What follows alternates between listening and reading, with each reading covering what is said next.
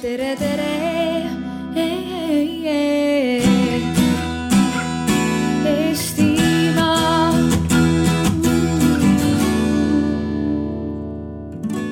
Ja me istume väga moodsalt, väga moodsalt, et elektroonilise muusika kontsertidel äh, on see üsna tavaline, et äh, sa näed muusiku tagumenti ja see, see põhjendatakse sellega, et muusikutel on vaja silmsidet, kui nad teevad oma muusikat.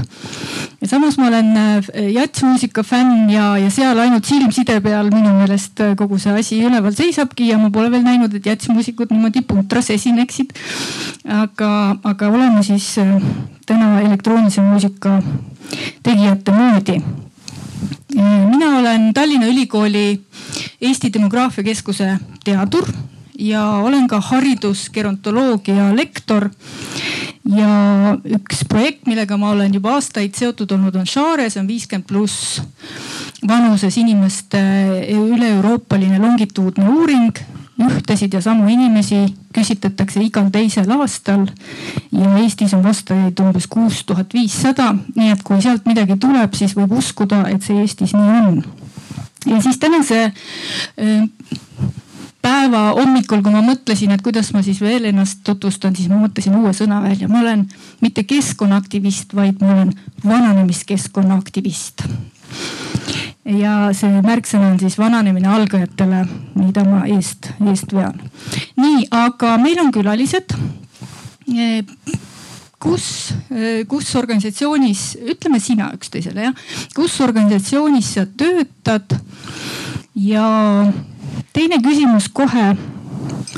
kuna vananemisega seoses ei ole erandeid, me kõik vananeme ja vananemise teema on, puudutab meid kõiki, siis kas sina inimesena teed midagi teadlikult, et olla võimeline töötama, panustama ühiskonda kuni elu lõpuni. kas sa teed midagi teadlikult, kus sa töötad, nimi ka muidugi ja teadlik tegevus vananemisel? Tere kõigile, mina olen Elina ja ma olen Riigi Infosüsteemi Ameti personalijuht. ja teadlikult vananemise vastu ma väga teadlikult võtan endale aega spordi tegemiseks ja mul on väga selgelt seotud füüsiline ja vaimne tasakaal ehk et kui ma ei liigu, siis mõte ka ei liigu. hästi. tere, olen Marianna ja ma ei tea, kas ma teadlikult midagi selle vananemise vastu teen. vähehaaval nagu oleks vanaks jäänud. aga võib-olla ka positiivsus ja füüsiline liikumine. aga kus sa töötad, Mariann? töötan Keilas Rõõmu kaubamajas juba väga-väga kaua aega. olgem täpsemad. aastast seitsekümmend kolm. aastast seitsekümmend kolm töötab Marianna Rõõmu kaubamajas ehk endises Keila kaubamajas tore, Anne. ja mina vist päris vastu ei saa, et et mina töötan Jätskaares, Anne Erm ja olen töötanud ka nelikümmend viis aastat raadios äh, koosseisulisena ja viiskümmend aastat siis äh, teinud ka veel mm, natukene nüüd viimased viis aastat. aga töö iseenesest hoiab vormis, et kui sa lähed jala tööle ja jala tagasi, siis ongi sinu kümme tuhat sammu täis. aga peale selle teen natukene joogat ja shindo lood ja vanasti käisin ka matkamas ja ujumas, praegu on see nagu ära jäänud, nii et aga suvel püüan kasutada neid ilusaid päevi, et ikkagi merega uju, ujumas käia ja, ja rohkem jalutada mul on üks isiklik küsimus ka, kas bakaati viskad veel? Äh, ma arvan, kui väike soojendus oleks, siis küll, aga jah. muidugi soojendusega, selge see. -hmm. ma, ma loodan, et ma praegu ei pea tegema, natukene märg on jah, jah mm. -hmm. Janek Luts, Vikerraadio peatoimetaja, valge keskealine mees. püüan ennast noorena hoida sellega, et käin lasketiirus laskmas. metsas käin ka väga huvitav väga huvitav, aga nii palju, nii vähe, kui ma laskmisest tean, siis see ei ole nii lihtne, nagu see kaugelt paistab. eriti taktikaline laskmine. oo oh jaa. kas äh, metsas ka siis, no jahimees oled ka? ainult fotoaparaadiga. Loomad ei ole milleski süüdi mm. -hmm. nii kas te usute veel personaalselt, kas teie isiklikult usute, et teie töötate oma elu lõpuni? töötamine tähendab nii palgalist, aga võib ka olla töötamine teiste heaks ilma palgata, aga teiste heaks oh,. Ähm, esmalt ma tahaks öelda, et tegelikult on hästi mõnus mitte töötada ka. ehk et äh, selles mõttes ma loodan, et ma ei tööta palgaliselt äh, elu lõpuni. Kuid äh, millest ma ise tunnen näiteks väga puudust, et minu laste vanaemad küll töötavad ja täiskoormusega. Ja ma tunnen väga puudust sellest, et, et nad töötavad liiga palju et, et nad ei peaks töötama, hoidma lapsi selle asemel? Nad, mulle väga sobib see, et nad käivad tööl, sest see hoiab neid vaimselt värskena ja mulle väga sobib see, et kui mu emal näiteks jääb äh, sellist vaimset värskust üle, siis ma ei tea, kui paljud teist on tegelenud äh, maja kasutusteatise äh, dokumentide ajamisega, et minul isiklikult jooksis äh, kõik kokku ja siis ma andsin teema emale üle ja nüüd ta pusib juba teist aastat ja me juba peaaegu. see on sama dokumendi kallal või? peaaegu, selles mõttes, et meil, me oleme juba edu saavutanud mulle väga sobib, et ta tegeleb asjadega, milleks ta võtab aega, milleks ta on motiveeritud, aga mulle väga sobib see, et ta ei tööta, mulle väga sobiks see, et ta ei töötaks viis päeva nädalas ja oleks rohkem vanaema oma lapselastele, sest minul olid väga toredad vanaemad ja neil oli minu jaoks aega. hästi, jätame meelde, et, et ta ei töötaks viis päeva nädalas, kaheksa tundi päevas arvatavasti jah. nii, kas Mariann, elu lõpuni, kas, kas töötad? ei, kindlasti ei tahaks, sellepärast et ka isiklikku elu tuleb elada. aga kas need on üksteisest, üksteist välistanud? natukene küll et see on ikkagi kaks erinevat asja, mida sa teed töö juures ja mida sa tegelikult teed kodus ja oma lähedastega. et see on, see on ikkagi kuigi palju erinev. Okei okay., nii praegu on kaks eitust tulnud siin ja ennem kahe tuhandendat aastat ütlesin ma, et ma teen jätskaart aastani kaks tuhat, aga pärast seda ma ei, ole enam rohkem lubadusi andnud ja nüüd on kakskümmend aastat veel veerenud. nii et äh, ma päris kindlat lubadust ei anna, aga loomulikult ma ei tööta kaheksakümnenda eluaastani, sinna on veel natukene aega. et äh, siiamaani ma olen hakkama saanud ja, ja ma armastan oma tööd ja sellepärast ma seda teen.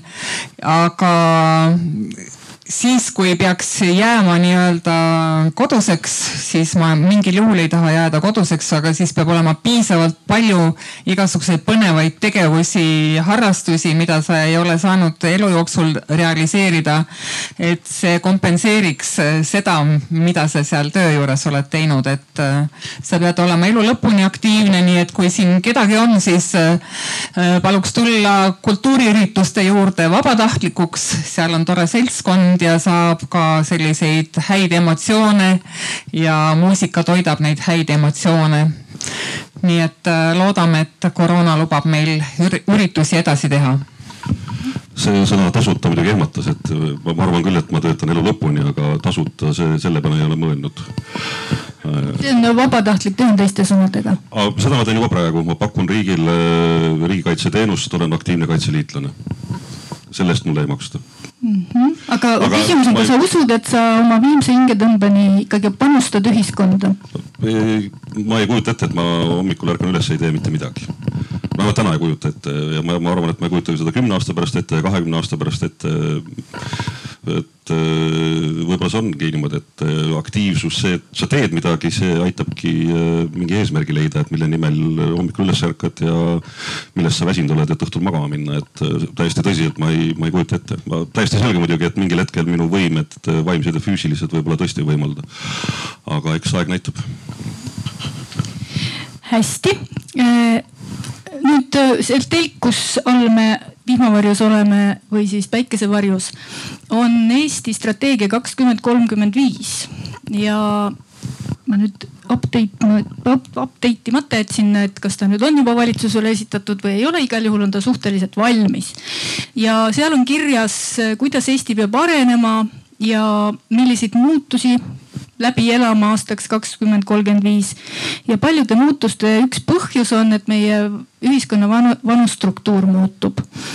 et äh, selleks samaks kolmekümne viiendaks aastaks on iga neljas inimene meil siin Eestimaal kuuskümmend viis pluss kuuskümmend viis on tänapäeval see vanus siis, äh, kust algab õigus saada vanaduspensionit.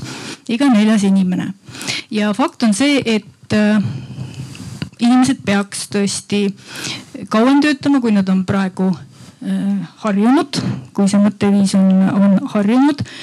ja siin on lausa mustvalgel kirjas siin strateegias, et iga inimene, temas peaks olema soov õppida ja olla valmis töö olemuse muutumiseks. ja iga inimene peaks panustama kogukonna ja riigi arengusse terve eluea jooksul ehk selline strateegia on meil kirjas, sellest ka see küsimus. aga fakt on see, et äh, panustamine ühiskonda ei ole, ei seisne ainult palgatöös.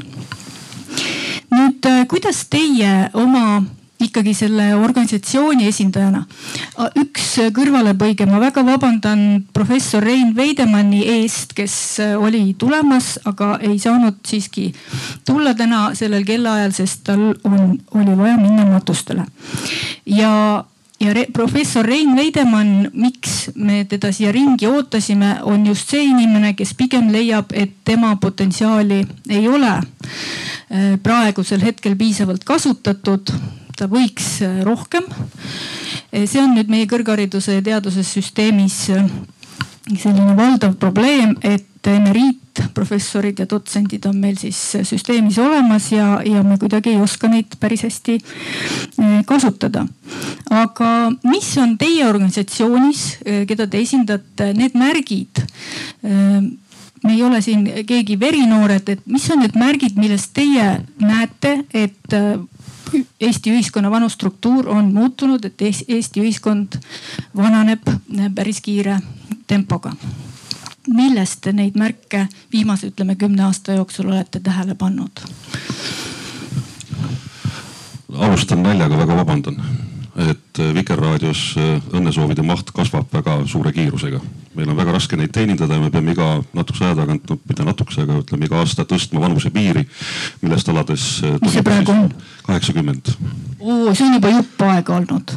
nojah, aga ikkagi, et kaheksakümmend juba et noh, iga viie aasta tagant pead tõstma ülespoole. nali naljaks.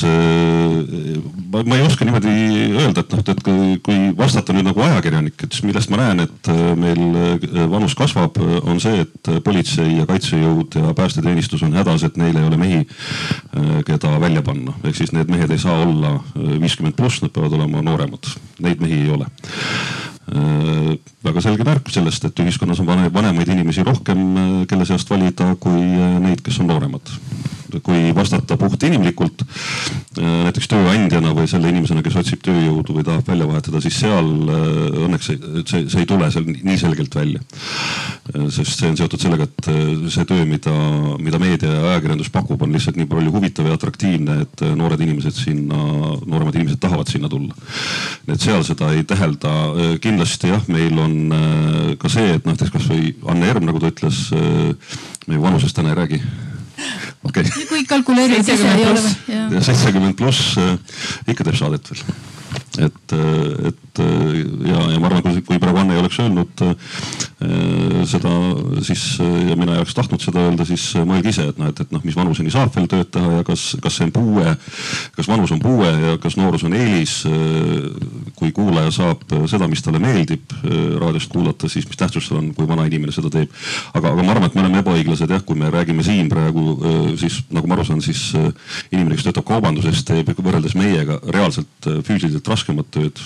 mina lähen hommikul tööle, panen arvuti tööle, jauran ühelt koosolekult teisele, koostan strateegiaid, kirjutan aruandeid. noh, tõenäoliselt ei ole see töö päris võrreldav selle kaugsõiduautojuhiga, kaupluse müüjaga, teenindajaga, kes peab ikkagi no ütleme päevas rohkem kui kümme tuhat sammu tegema. kakskümmend tuhat tuleb. ja saab füüsilise koormuse täis ja tegelikult on jah nii, et kultuurivaldkonnas mulle tundub, et on see siis maalikunstnik või dirigent või, või kirjanik või, või festivali korraldaja, et on võimalik hoopis kauem töötada kui füüsilise koormusega.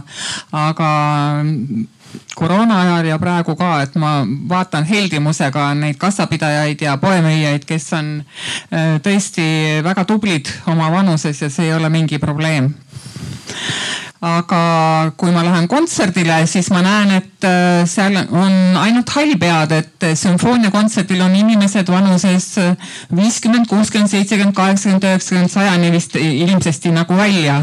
kas aga... see on praegu tekkinud muutus või on see olnud kogu aeg niimoodi? ei ole, ma mäletan noorusaegadest, muusikakooli ja konservatooriumi aegadest, siis ikkagi väga palju noori käis äh, kuulamas ka tõsise muusika kontserte. aga õnneks on nii, et äh, Jätskaarel on keskmine vanus kuskil kolmkümmend kaheksa aastat, nii et meil on äh, mõnedel kontsertidel on nagu vanemaid inimesi ja mõnedel on jälle nooremaid ja keskmine vanus on üsna hea ja üsna, üsna noorepoolne, aga kõik on alati teretulnud nii kaubanduses töötamine siin peab vanuse suhtes ütlema seda, et kahjuks on jah, vanemad ikkagi rohkem, noored ei taha enam nii väga tulla, see ei ole nii atraktiivne. Gucci, kõik need poed, seal on noored müüjad. Gucci-Mucci võib-olla tõesti, aga kui nad puutuvad kokku selle reaalselt füüsilise tööga, siis nad enam nii väga ei kipu sinna. nii kurb, kui see ka ei ole ehk äh, sinu kogemus ütleb, et kaubanduses on ka töötajad pigem vanemad keskmisest vanemad? nüüd kipuvad vanemaks jääma jah, küll mm. -hmm. mul on äh, üks moment, Elina, äh, siin äh, mõned arvud toodud, et kui palju on kahekümne viie kuni neljakümne üheksa aastaste seas teatud valdkondades töötajaid ja kui palju on siis nendes valdkondades viiekümne kuni seitsmekümne nelja aastasi tööl. ehk teiste sõnadega, kus on proportsionaalselt rohkem vanemaid inimesi ja kus on vähem. ja no mida me teame, et on tervishoius ja sotsiaalhoolekandes on vanemate inimeste proportsioon suurem kui nooremate inimeste. ja, ja hariduses samamoodi isegi ligi viis protsendipunkti on, on seda vanemat osa rohkem kui nooremat. aga hulgi ja jaekaubanduses on tõesti üks koma neli protsendipunkti on siis vanemaid vähem ja mis puudutab meelelahutust, kunsti ja vaba aega, siis vahet ei ole. et see on tõsi, numbrid kinnitavad, et seda tööd saab teha sõltumata vanusest. nii, aga millest äh, Elina, sina näed oma organisatsioonis seda või nendes organisatsioonides, kus sa ela, töötanud oled, et inimeste vanustruktuur kasvab? no praegu ma olen Riigi Infosüsteemi Ametis ja IT-valdkond on see, mis kutsub noori, see on selge.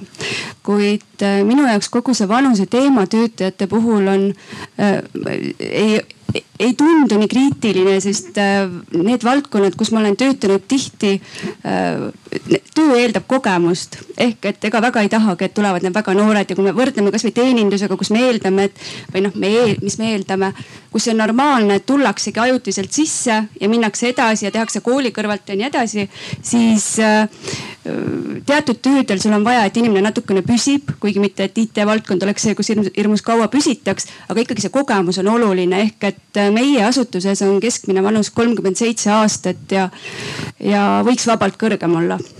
Ei oleks kahju nüüd selles tabelis siin on täpselt nagu on äh, viis protsenti hariduses rohkem, pigem vanemaid inimesi, nii on infos ja sides viis protsenti äh, nooremaid rohkem. ehk üldine pilt äh, infotehnoloogia sektori ettevõtetest on ikkagi, et pigem nooremad inimesed saavad sinna tööle. oskad sa seda kommenteerida, kuidas siis teistel seda kogemust vaja ei ole? Äh, kellel kogemust? teiste sama sektori äh, organisatsioonidel. IT-asutused. no see oleneb, mis tööd tehakse ilmselt ka ja, ja lihtsalt äh, IT-tööle tullakse, tahavad noored rohkem tulla, sest noh, vaatame palkasid ka, eks ole. et see on valdkond, kus on lihtsalt kergem teenida välja seda palka, mida saab võib-olla, ma ei tea, kolmekümne aastase staažiga õpetaja või, või mõni teine väga väärika ametikandja, et lihtsalt sellised asjad ka mängivad. aga kas sel juhul siis nagu vanemad inimesed ei taha väärikat palka? ikka tahavad ja, ja, ja kuna meie tahame kogemust, siis meil ei ole ka kahju maksta väärikat palka vanematele inimestele. mis see vanem inimene on?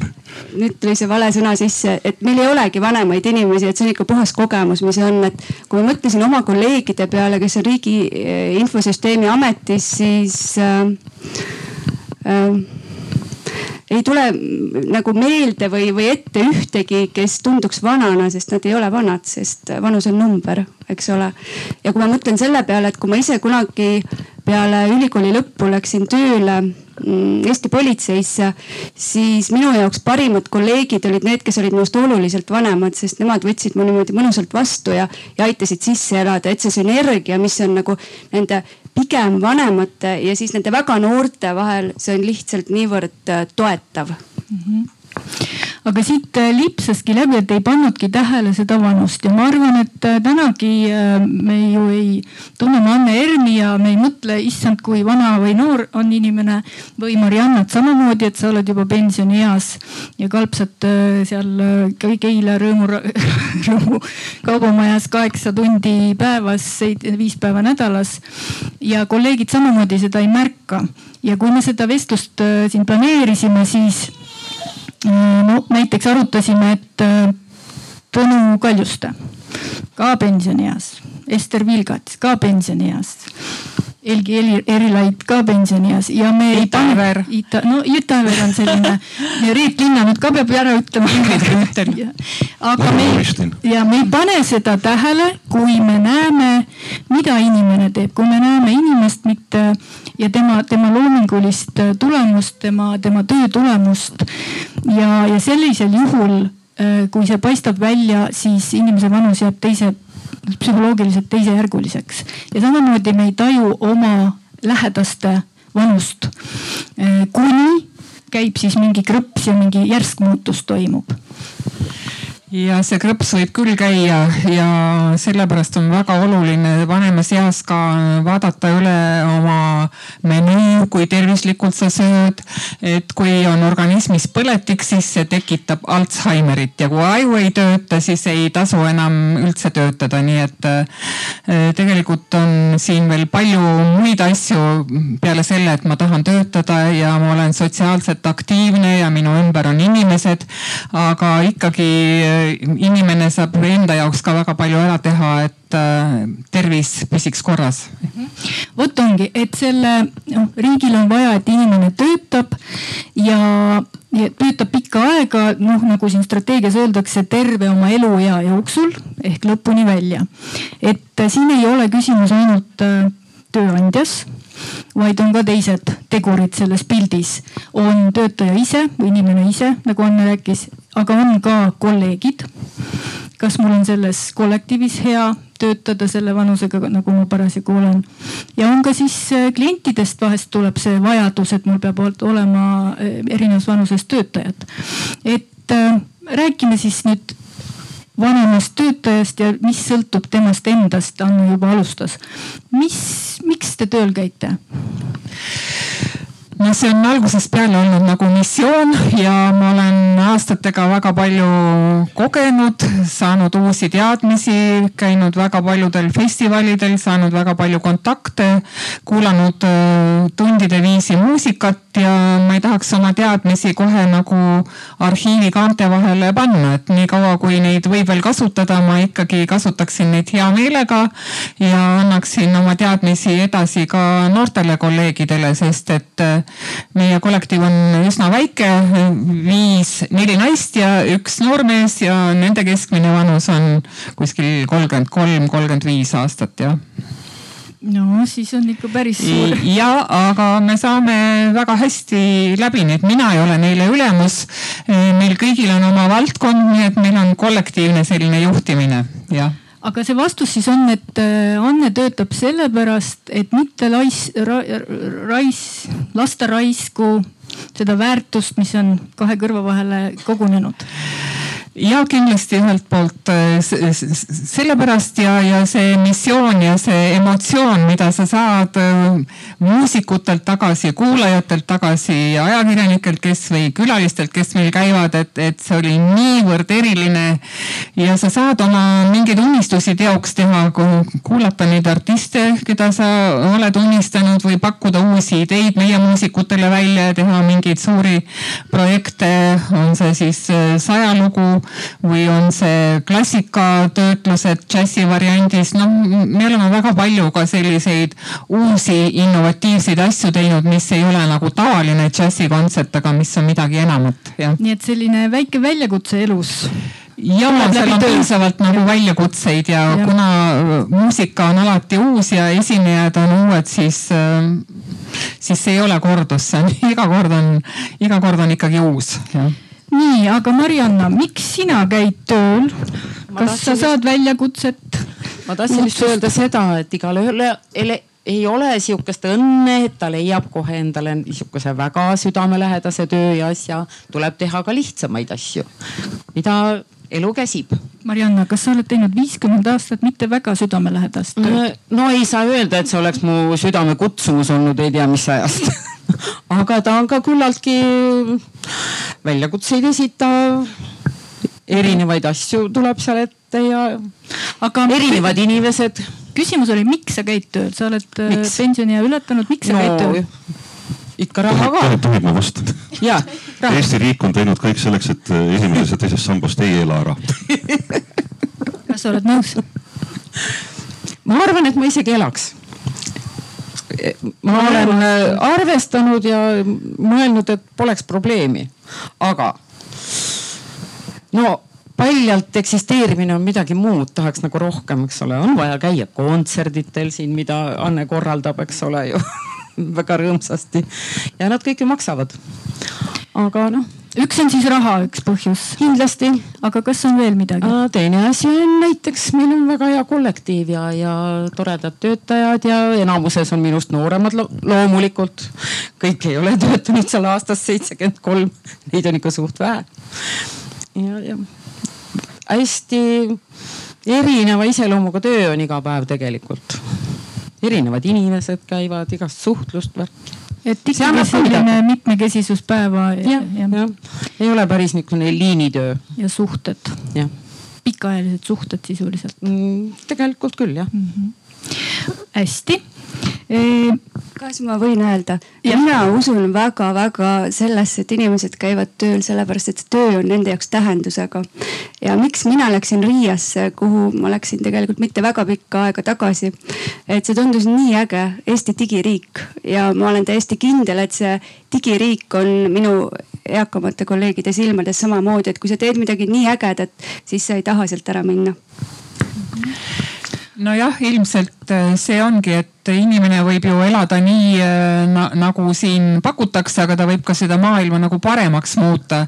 et igaühe võimuses on üks kasvõi väike sammukene anda ühiskonnale, et äh, meil oleks parem emotsionaalne elu ja, ja kui me just majandust ei saa muuta, siis me saame ikkagi inimsuhteid ja, ja seda atmosfääri nagu paremaks teha ja oma kogukonnas, kogukonda ka panustada, seal aidata teha asju äh, nüüd äh, Elina ütles ära, et vanemad töötajad on ennekõike seal sellepärast, et neil on tohutu kogemus. kas on veel mõni põhjus, miks on hea, kui, kui meeskonnas, kollektiivis on vanemaid inimesi tööl? See kogemus ongi ja ma ei räägi siin isegi ainult töökogemusest, vaid elukogemusest.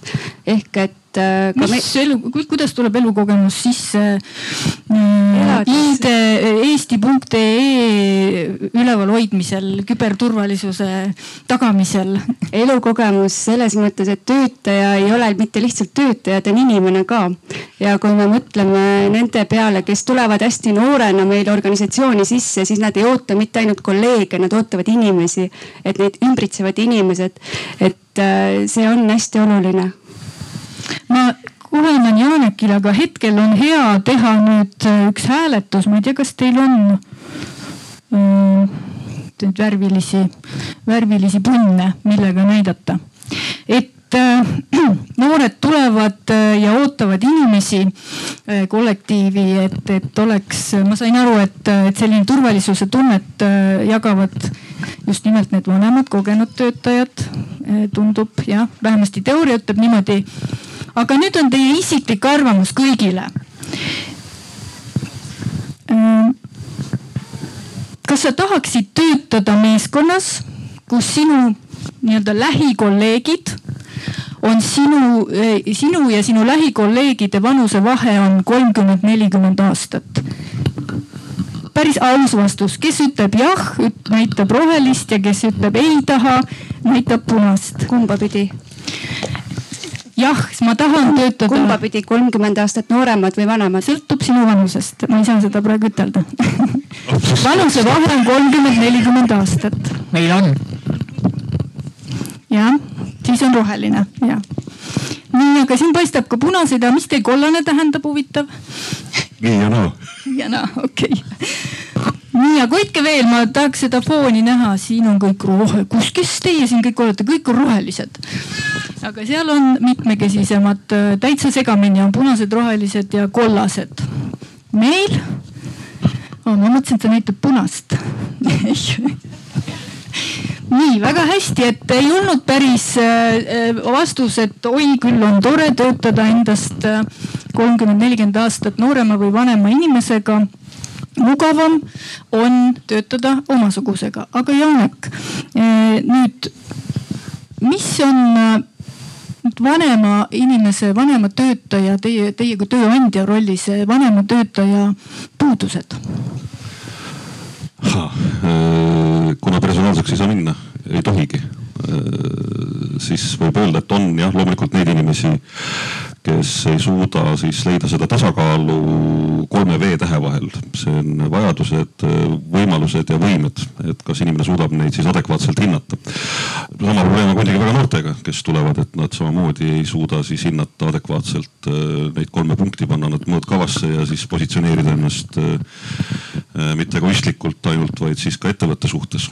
et noortel puudub kogemus, teinekord nad jooksevad kuskile pilvedesse ja mõningate vanemate kolleegidega on olnud teinekord konfliktsemaid olukordi tänu sellele, et ta äh, ei suuda aru saada võib-olla sellest, et maailm on muutunud, aastad on läinud, et tema peab kohenema, mitte ei pea kohandama siis keskkonda, kus ta parajasti viibib, et äh, see, see.... kohanemisvõime ja, ja kaasatulek muutustega. jah, et noh, kõik me ei ole Mick Jaggerid ja Rolling Stonesid, äh, et me võime kolmkümmend aastat tiirutada maailmas ühe ja sama kontsertkavaga ja ikka inimesed käivad ja maksavad raha selle eest. et, et noh, et see ei ole kõikidele, noh kõikidel ei olnud sellist lotopiletit, et siis peab nagu sellega ikkagi tegelikult arvestama mm. -hmm.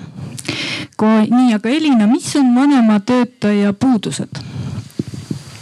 Nii... see ei kehtinud kõigi kohta tavapärast, mitte kõikide minu vanemate kolleegide kohta. ei, ei, ei see on ja, ja see on äh, siin meil sisemine arusaamine, kõik jagavad seda, et vananemine on väga individuaalne ja kõik muutused, mis küll statistiliselt mingisugust mustrit näitavad, ei absoluutselt ei kehti igaüks. ja issanda loomaaed on väga kirju, väga kirju.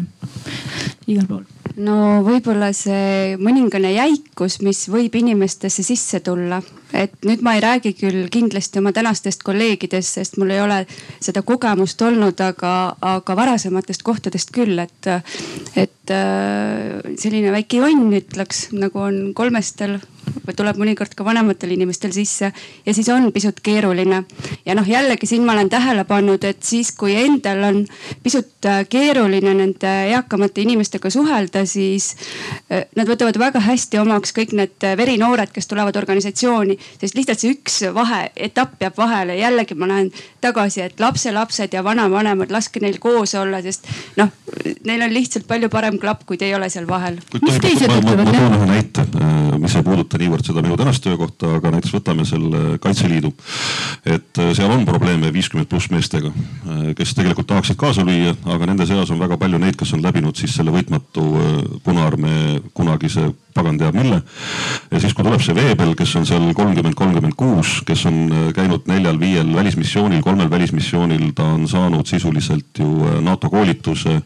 ja, ja siis see viiekümne aastase suhtumine, kui ta hakkab tõukama siis seda oma legendi, et noh, kuna mina ikka seal Punaarmees kunagi. tegelikult tal ei ole selles Punaarmees olnud mingit lahingkogemust, lahinglaskmiskogemust, mitte midagi, aga, aga see uhkus ja nüüd tuleb mingi kolmekümne aastane tuleb minuga siin kemplema, mind käsutama, et jookse, too see ära, tee see ära, et noh, et, et see ei sobi, et noh. aga see on hästi drastiline näide, et noh, et, et tavaliselt töökollektiivis noh, päris nii äh, äh, see näide ei ole, aga see näitab seda suhtumist tihti, eriti äh, keskealiste valgete meeste puhul ma tahaks öelda, et tegelikult võib juhtuda ka noortega see, et nad nagu satuvad rutiini ja natukene manduvad ja. elu ongi rutiin, üheksakümmend viis protsenti teed seda, mis pead ja viis protsenti on nauding äh, et on olnud juhuseid, et äh, mul on mingi peas mingi hullumeelne projekt, aga siis noorem kolleeg ütleb, aga miks me seda teeme, et meil ju on niikuinii nagu kontsert läheb hästi, et miks on vaja siis uut asja katsetada, aga no eks see annab uusi kogemusi ja ja see on see muutumine ja, ja siis ajaga kaasas käimine on väga olulised elu lõpuni. Marianne, kas sul on kogemus, mis on vanema töötaja puudus, et kui sa nüüd mõtled üldiselt, ei pea endast rääkima, aga võid ka endast rääkida? no kohati ongi see, et kipuvad jääma niisuguseks pessimistlikuks kohati. ah, ma ei jaksa, ma ei taha, ma ei suuda. seda ma tõesti enda kohta veel ei ütle et. mida sa ütlesid äh, selles kirjatükis? Kirjatükis? sa oled liiga tark ah,. nojah, võib-olla küll vähemalt ma ise arvan kohta, et. ma vähemalt ise arvan nii. mulle ütlevad nii mu kolleegid. et ma olen liiga tark see on minu puudus ja minu pluss, ütlesin ma. vabandust jah see on mõlemapoolne no ja eks kolleegid kasutavadki seda ära, et ma olen nii kaua olnud, tean organisatsioonist ikka üksjagu asju ja no mis kasutavad ära, muidugi nii on ju lihtsam, lähed küsid ja. aga paljud vanemad on jah, vahest kipuvad oma haiguste taha pugema. aga noored ei poe või? Mm. õhtu oli pidu. meil küll mitte nii väga, ma peaks ütlema, et meil selles suhtes on vedanud meil on päris toredad noored mm -hmm okei okay,, aga kui nüüd väga selline ere näide oli Janekil, et äh, käib oma selle kunagise kogemusega pinda. mida see tegelikult näitab, sa oled ju juht, sa pead aru saama, mis tal tegelikult viga on, see ei ole ju vanusest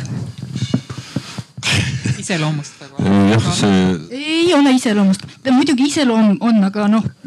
tunnustusvajadus. täpselt sa ei ole teda kiitnud no ma tõin näite õnneks mitte enda kohta, et äh, küsimus on jah, ega juhi ülesanne on äh, suhelda ja, ja kes kuidas aru saab lausest, et äh, võimu ei anta, võim võetakse. et noh, kes arvab, et võim võetakse jõuga ja kes arvab, et saab aru, et noh, et tegelikult jutt on sellest, et võim kehtestatakse. et siis sellisel juhul veenmisega saad sa palju rohkem kui ainult käsutamisega, aga, aga jättes militaarstruktuurid kõrvale, et kus tegelikult on väga selge käsuliin ja määrused, mille järgi peab käituma, et see on nagu väga palju hääletada ei saa, et noh, et seltsimehed sõdurid meil on tulnud komandörilt ettepanek minna rünnakule, hääletame palun et kes tahab ja kes ei taha, siis otsustame. et aga noh, tänapäeval jälle teistpidi oodatakse noorema põlvkonna pealt näiteks just seda, seda äh, rohkem arutamist, aga siis, kui vastutamiseks läheb, siis nad lähevad ruumist välja. Äh, vanemate puhul on jälle see, et neil äh, tihti on see just, et noh, et, et on mingid mälestused, et me kunagi tegime niimoodi. aga see on jälle see, et kuidas aeg temaga tööd on teinud, et ta on ära unustanud, et kunagi ta ise oli täpselt samasugune hambatirevil, verd nõudev ja muutusi nõudev tüüp aga nüüd enam ei ole, et noh, et, et kui sa juhina satud sinna vahele, et noh, et, et siis on tegelikult on päris lõbus. Et noh, et, et kui see muidugi lõpuks laheneb ja, ja, ja, ja jõutakse mingile kokkuleppele selles osas, et kuidas me liigume niimoodi, et äh, eesmärk oleks kõigile üheselt arusaadav mm. -hmm. nüüd äh, vähemasti kolm inimest siin on ka selles rollis, kes annavad tööd, värbavad. et kas te oma meeskonda mingil määral ikkagi ju komplekteerides äh, peate silmas vanuselist mitmekesisust? Väga hea, no ma lihtsalt toon näite, et äh, oli üks äh, episoodis, et üks äh, trükiväljaanne, mida mul oli õnn kogemus saada. ma ei kujuta ette, et kui või ka tänane kollektiiv, et kui see koosneks ainult kahekümne viie aastastest, ainult viiekümne või kuuekümne aastastest, et tõenäoliselt see, mis me suudaksime kuulajatele, lugejatele pakkuda, see oleks nii ühekülgne, et fiasko või fresko, kuidas keegi tahab öelda, oleks suhteliselt nii-öelda ööpäevaga mõõdetav, kuidas see ära kukub, et sa ei suuda tajuda seda ja omada kogu seda empaatiat, kuidas suhtub ja mida, millest huvitub ja mis on oluline äh, emale, kellel on kaks last äh, koduõppel ja ta ise peab samal ajal minema tööle. Äh, või kuidas rääkida sellest, millest Kanne rääkis, et vanemaealised võiksid näiteks mõelda selle peale, et kuidas mõistlikult toituda. ma ei räägi Stockholmi dieedist praegu. et, et et, et kuidas tabada neid teemasid, mis on õhus niimoodi, et inimestel oleks huvitav ja samas, et sa võtad ka vastutuse selle eest, mida sa teed, noh, et äh, nooruse uljuses võib minna teinekord kaasa ka mingite selliste asjadega, et jooksed torvik, tõrviku rongkäigule teadmata, mis eesmärgil seda korraldatakse või tükid seda näiteks ülistama. ja siis tuleb vanem kolleeg, seletab talle ära, mida see tähendab, kust see tuleb, noh ja siis sealt võib tulla idee, aga teeme sellest saate näiteks, kirjutame sellest artikli. et kui sul ei ole mitmekesisust, äh, ma ei kujuta ette, ma, ma, ma arvan, et see lihtsalt jookseb ühte äärmusesse ära kuidagi. okei okay,, meedias on see üsna, üsna arusaadav. see on loominguline keskkond. Aga kas Anne, sa ja ma tahtsin öelda, et ma ei kujuta ette, et äh, raadiot ilma Valter Ojakääruta. ja kui kellelgi oli mingisugune muusikaalane küsimus, siis alati sai Valterilt vastuse talle helistades, et selline vanema kolleegi nõu ja abi, kui, kui sa ei tea midagi, siis mine ja küsi. ja kui sul on mingisugune sasipundar, siis, äh, siis ei tohi liiga üle mõelda ega nuhrutseda, vaid tuleb kuskilt otsast hakata seda harutama, et küll ta siis ükskord ka nagu lahenduse leiab. see Valter Ojakäru näide on väga hea, jätame selle ka meelde. on ju nii, et ta seda nii-öelda seda vastas sellele küsimusele olles mitte töötaja, eks ole, ta oli lihtsalt olemas kollektiivi jaoks. ta tegi ikka väga kaua saateid, aga noh, kõik teadsid tema telefoni ja jah, väga hea, et tema oli selline tagakambris tarkmees taskus ja e, nii, kas Elina, kas sa komplekteerid äh, töökollektiivi teadlikult, et seal oleks erinevas vanuses inimesi? rääkides nüüd Riiast, kus ma praegu töötan, siis ma, mul on seal väga mitmeid positiivseid üllatusi olnud, mis mulle tõesti teevad väga rõõmu ja, ja üks neist oli ka see, et meie juhid pöörasid sellele tähelepanu, et kui oli värbamistegevus, siis äh, noh, vaatasime, et mis on koosseis, inimest juurde vaja ja me vaatasime ka seda vanuse teemat ehk et äh, see on oluline. ehk et sa noh, et sa jälgid ise, et sul on see koosseis piisavalt mitmekesine. ja kui ma olen endale osakonda värvanud, kui mul on olnud ka selline natukene suurem osakond, üheksa inimest kokku, siis ma väga jälgisin, et mul oleks nii vanemaid kui nooremaid nii mehi kui naisi ja ei saa salata, raskem oli töötada selle kollektiiviga ja oli, oli mõnigi selline äh, suurem probleem, mida selliste väga endasarnastega oleks suutnud ilmselt ära hoida. aga ideed olid ka väga ägedad, nii et ma ei kahetse, et mul oli selline osakond. nii et siis see eelis sellel Kirju-Mirjul on, et äh, ideed on ja, ja tunnevad kliente ja kogu klientuuri. aga on... milles see raskus seisnes, miks see äh, meeskond on raske? eelise toon välja, et veel, et nad on erinevas etapis oma elukaarel ehk et kes, kellega sa arvestad, et okei okay,, varsti ta ilmselt jääb koju ja mis on väga normaalne, eks ole. kellega sa tead, et ta tuli välja, ta on ülimotiveeritud tegema tööd, sest ta ütleme nii, et tal oli see kodus olemise talumatus juba ja ta naudib väga seda, et ta saab teha nüüd tööd. kellel on see etapp, et ta on vahepeal olnud tööturult eemal, tuleb tagasi, väga tahab teha tööd jälle või kellel on see, et sa näed, et ta mingi hetk ilmselt noh, võtab mingi pausi, et, et see, see on ka oluline ehk et sul inimesed ei kao korraga ära, et osad on nagu ülimotiveeritud ja osad pisut vähem. aga sa nimetasid lipsas läbi, et raske on ka sellise kahekümne kuni kaheksakümne aastastega üheskoos. mul kaheksakümmend ei olnud päris, aga. ai, ai, ai. aga noh, võib-olla oli isiksustes teema ehk et oli natukene ussitamist ja oli selliseid intriige ja jah. võtame tööle oskuste pärast, lahti laseme iseloomu pärast. jah, tuleb nii ja isiksustega üldiselt jah üldiselt on niimoodi, et, äh, et see ussitamine jah, ei teki, ei teki vanusega, et kui inimene ussitab, siis ta on see seda kaasasündinud vanne. ja siis ta on seda teinud algusest peale. Lihtsalt äh, vanemal inimesel paistab see rohkem välja. ja, ja siis on ka see asi, et on suur vahe, et kas sa kaitsed iseennast ja sa oled omandanud tehnikat, kuidas ennast kaitsta või sul on mõned kolleegid oma osakonnas selle ussitamise äh, nagu märklauaks ja see teeb juhi elu keeruliseks ehk et see võttis väga palju aega, et tegeleda kõige sellega. see on nagu koolikiusamine või? see on kohati isegi hullem, kui see on töö juures. kahjuks jah, no on ka, et kuigi sa ei ole ta ülemus ega midagi, sa oled kaastööline ja kui sa näed, et teised lihtsalt astuvad pähe ja peale, no siis tuleb ju vahele minna ja see ei ole alati lihtne et see on, ma võin öelda, et võib-olla kaubanduses on liiga palju naisi koos et see tekib niisugune suurem ussitamine tihtipeale. okei okay,, vahetame teemat, sooküsimus ei ole täna küsimus. Siin äh, lipsas vist Janekil läbi, et, äh, et äh, nagu tundub justkui, et vanemad inimesed ei, mitmel inimesel, et ei, vanemad inimesed nagu on raskemad muutustega kaasa tulema. tema Anne on siin praegu erand. tema rääkis vastupidist mm. juttu, aga ma nüüd küsin suurel, suurelt auditooriumilt, et kes on nõus, et kõrgema vanusega kaasneb vähenenud võime tulla muutustega kaasa nõustub rohelisega ja kes ei ole nõus sellega nõus on, ütleb punast. et vana, vanas, ei teie tähelepanek, uskumus, et sellest, paljalt sellest, et inimese vanus kasvab, muutub ta konservatiivsemaks, ei tule enam muutustega kaasa ma olen nõus, roheline näitab, et jah, ma arvan, et see nii on, et ta muutub konservatiivsemaks ja mõned üksikud punased. E, tegelikult paljas see vanus ikka ei ole see põhjus paljas vanus ei ole põhjus ja sellepärast on ka ju erandid täiesti olemas, meilgi siin nüüd e, ringis. E, mida inimesed, miks inimesed on sellised pisut tõrksamad vanemas eas muutustega kaasa tulema, on, et väga tihti muutust läbiviimised on väga kiired ja nagu ei keskenduta sellele, et inimene saab nüüd muutunud olukorras sama hästi oma toimetustega, tööga hakkama, kui ta eelmises olukorras seda tegi. ja inimene ei karda mitte muutust ennast, vaid seda uut olukorda. et seal hakatakse märkama, et ta on koba ja siis silt juurde, sa oled koba sellepärast, et sul on vanus selline.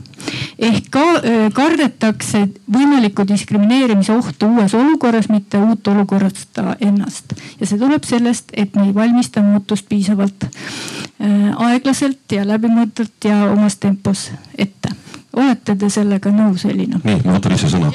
palun nahhaal. just, äh, kui see uuring, millest sa rääkisid, kunagi valmis saab, siis ma soovitan seda kindlasti võrrelda, võrrelda, mis on teistes riikides tehtud. ma lihtsalt toon ühe aspekti sisse ja Elina kohe saab sõna tagasi. et äh, see võib olla sarnane natukene teiste riikide kogemusega, aga siirdeühiskondades ma siiski arvan, et siin oli nagu äh, kaks plahvatust korraga. üks plahvatus oli see ühest ühiskonna formatsioonist teise jooks üheksakümmend kuni tänaseni. Ja teine oli siis tehnoloogiline plahvatus ehk siis see, mis juhtus tänu internetile ja, ja infotehnoloogiale, mida tuleb järjest rohkem kasutada ja. ja kui mu lapsed tulevad ja, ja, ja oskavad kasutada kuidagi loomulikult kõiki neid ristapuid, äh, mis neile pakutakse, siis noh, minul tuli seda füüsiliselt ju jõuga õppida, no et, et ega ma all Windowsi kasutasin, kasutasin ju selle järgi, et siit vist tuli see teadmata, mida see teeb üheksakümnendatel. noorem põlvkond teeb seda loomulikult äh, ja, ja, ja see on tekitanud kindlasti läbipõlemist äh, ka nendele valgetele keskealistele inimestele.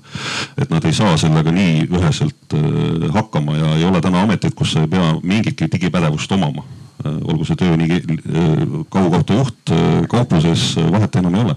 et, et, et see on tekitanud ka selle, et noh, et, et kui me räägime muutustest, siis muutused on seal all peidus olnud kogu aeg ja see on sind kogu aeg kulutanud ja see tekitab ka sisemist trotsi ja protesti, aga kas see on ka olnud noh, ütleme Rootsis, Soomes samamoodi, siis tehnoloogia muutus tuli neile samamoodi. aga see, mis puudutab seda formatsiooni muutust, et ka eeldused, suhted, kõik see tehti teistmoodi noh, eriti näiteks ütleme meedias või ajakirjanduses klavlitti enam ei ole. keegi ei ütle, mida ei või teha ja nii edasi, nii edasi, nii edasi. no see oli nüüd kiire pilk lähiajalukku, aga see uuring ei olnud riigipõhine ega rahvusepõhine, vaid see on psühholoogiline. kõik me oleme sellised. aga koolitustega saab ju seda asja parandada. just, jõuamegi õppimise juurde. et äh, õppida on vaja, et nende samade muutustega kaasa tulla, kus siis nüüd see strateegiagi meil ütleb, et, et me peame olema valmis õppima ja olema valmis tööelu muutusteks ja seda siis elu lõpuni. Tuletame seda uuesti meelde, et aga õppimisega statistika, Eesti statistika näitab, et kuidagi meie töötajad keskmiselt lõpetavad õppimise ära see haripunkt on kolmekümnendates eluaastates, mujal riikides on see haripunkt neljakümnendates eluaastates. mis Eestis lahti on? samas õppimistahe on Eestis väga kõrge, väga motiveeritud õppijad ja meil on ka haridustase väga kõrge. aga millist õppimist me praegu silmas peame? Kõik on need kursused kasvõi, kasvõi kahepäevased. just, aga on küllalt inimesi, kes ei hooligi väga sellest klassiruumi õppest ja, ja ma arvan, et see on väga põhjendatud. ehk et kes on juba ise suurem professionaal, see harib ennast ka suuresti ise ja kõik need e-kursused, kõik, mis on kättesaadav, see noh, ilmselt ei jää kuskile sinna statistikasse see märk maha, eks ole. aga need on ju igapäevaselt kättesaadavad, et ma sellele alla ei kirjutaks. et, et näiteks vanemad ei õpi ja pluss ma ise praegu teen läbi sellist hobi korras ühte magistriõpet, et ma ühe teise tegin äh, varasemalt läbi. ja minu, minuga samas klassiruumis on kuuskümmend personalijuhti või inimest, kes on sellest valdkonnast huvitatud ja vanus on no ma pakun, et kõige nooremad olidki need, kes selle baka ära lõpetasid vahetult enne magistrisse tulekut. aga kõige vanemad on kindlalt üle kuuekümne ja väga äge on. no ma küsiks siis teistmoodi, et mis on õppimine, et äh, kui ma Ekspressist kinga sain, äh, siis oli, noh mul muidugi tänu kuldsetele käeroodadele oli mingi võimalus, et ma võin pausi võtta ja, ja kiruda anonüümselt äh, Delfis kõike maailma. ma ei teinud seda, rahu. aga siis pakuti võimalust, et ma võiksin liituda Rahvusringhäälinguga, aga minu üks tingimus oli see, et ma lähen tagasi toimetaja kohale et äh, aitab juhtimisest, ma olen läbi põlenud, unustage ära ja selle eesmärgiga, et ma tahan proovida, kas ma suudan olla veel toimetaja. et noh, et kas see on õppimine või äh, kui ma tundsin, et, äh, et noh, et, et avanes võimalus proovida ka, et kas ma saan hakkama ka kommunikatsioonis ja pressiesindaja tööga. ma tegin ka selle läbi, noh nüüd ma olen jälle peatoimetaja, noh võib-olla kümme aastat pean vastu. eelmise tsüklina ma sain maohaavad ja hallid juuksed. et noh, mis ma nüüd saan, ma ei tea veel. ma arvan, et laskmine sind praegu siin ei hoia vee peal, sa pead midagi ette võtma okei okay. aga, aga noh, see on ka õppimine, et noh, et kas tegelikult inimene on valmis äh, kasvõi valdkonna piires äh, liikuma nii vertikaalselt kui, äh, kui horisontaalselt, andestama seda, et tal seal ei õnnestunud, et kukkus allapoole, aga mis siis, pole probleemi. et ka see on õppimine, et sa julged tulla allapoole ja võtta need kogemused uuesti, mis on võib-olla natukene rooste läinud, et, et mitte ainult see, et kas ma, mitu magistrikraadi mul on, vaid ka see, et noh, et, et või et noh, et kas ma pean minema Räpina aianduskooli ja õppima maastikukujundajaks, et siis mul on nagu tagavarauks või et mul on C-kategooria load, et noh, et, et aga noh, varsti panus ütleb, et no veoautoga enam lubasid ei anta, et ma pean iga viie aasta tagant käima kontrollis. et kas ma näen, kuulen ja milline vererõhk kaela ümber mõõta. et aga sa räägid praegu e, e, enda eest, aga. enda eest ja, kelle eest ma siin, siin praegu räägin. räägi tööandjana. kas sa pakud õppimisvõimalusi oma töötajatele? kui nad küsivad konkreetselt ja see on ametiajaliselt vajalik, siis seda pakutakse. kui nad ei küsi? siis on tema enda vastutusel et noh, mida ma siis pakun, jah, me aitame, kui on vaja kõnekoolitust, äh, aitame, kui on vaja keelekoolitusi, sealhulgas ka eesti keel. et loomulikult, aga, aga. kogu eeter kuuleb, et kõnekoolitust on vaja, aga kui ta ise küsima ei tule, siis te ei paku. Need, kes annavad sellest teada, et seda vaja on, ära kardab, sa ei ole ainus. Iga hommik tuleb kiri, äh, kui mitte rohkem, mitte sealt et, et see ei ole, see ei ole küsimus, et loomulikult pakume, aga, aga noh, inimese nii-öelda seda, et noh, et, et ta selles valdkonnas läheks aste kõrgemale, et noh, et, et, et astmeõpet meie ei tee. loomulikult me, kui inimene tuleb, ütleb, et ta läheb kraadiõppesse, siis nii nagu kui on ette nähtud, ta selle võimaluse saab, noh õppepuhkused, kõik need asjad. ikkagi inimese vastutus, sinu seisukoht on, see on inimese vastutus ja sina võimaldad talle, kui ta tuleb ja küsib. ma töötasin liiga kaua võib-olla erasektoris, et, et seal oli sama dilemma kogu aeg, et noh, et, et kui inimese klassi võrra üles tõsta on ja ta järgmine päev läheb, läheb konkurendi juurde, noh siis tehti tihti see nii-öelda vastutusleping.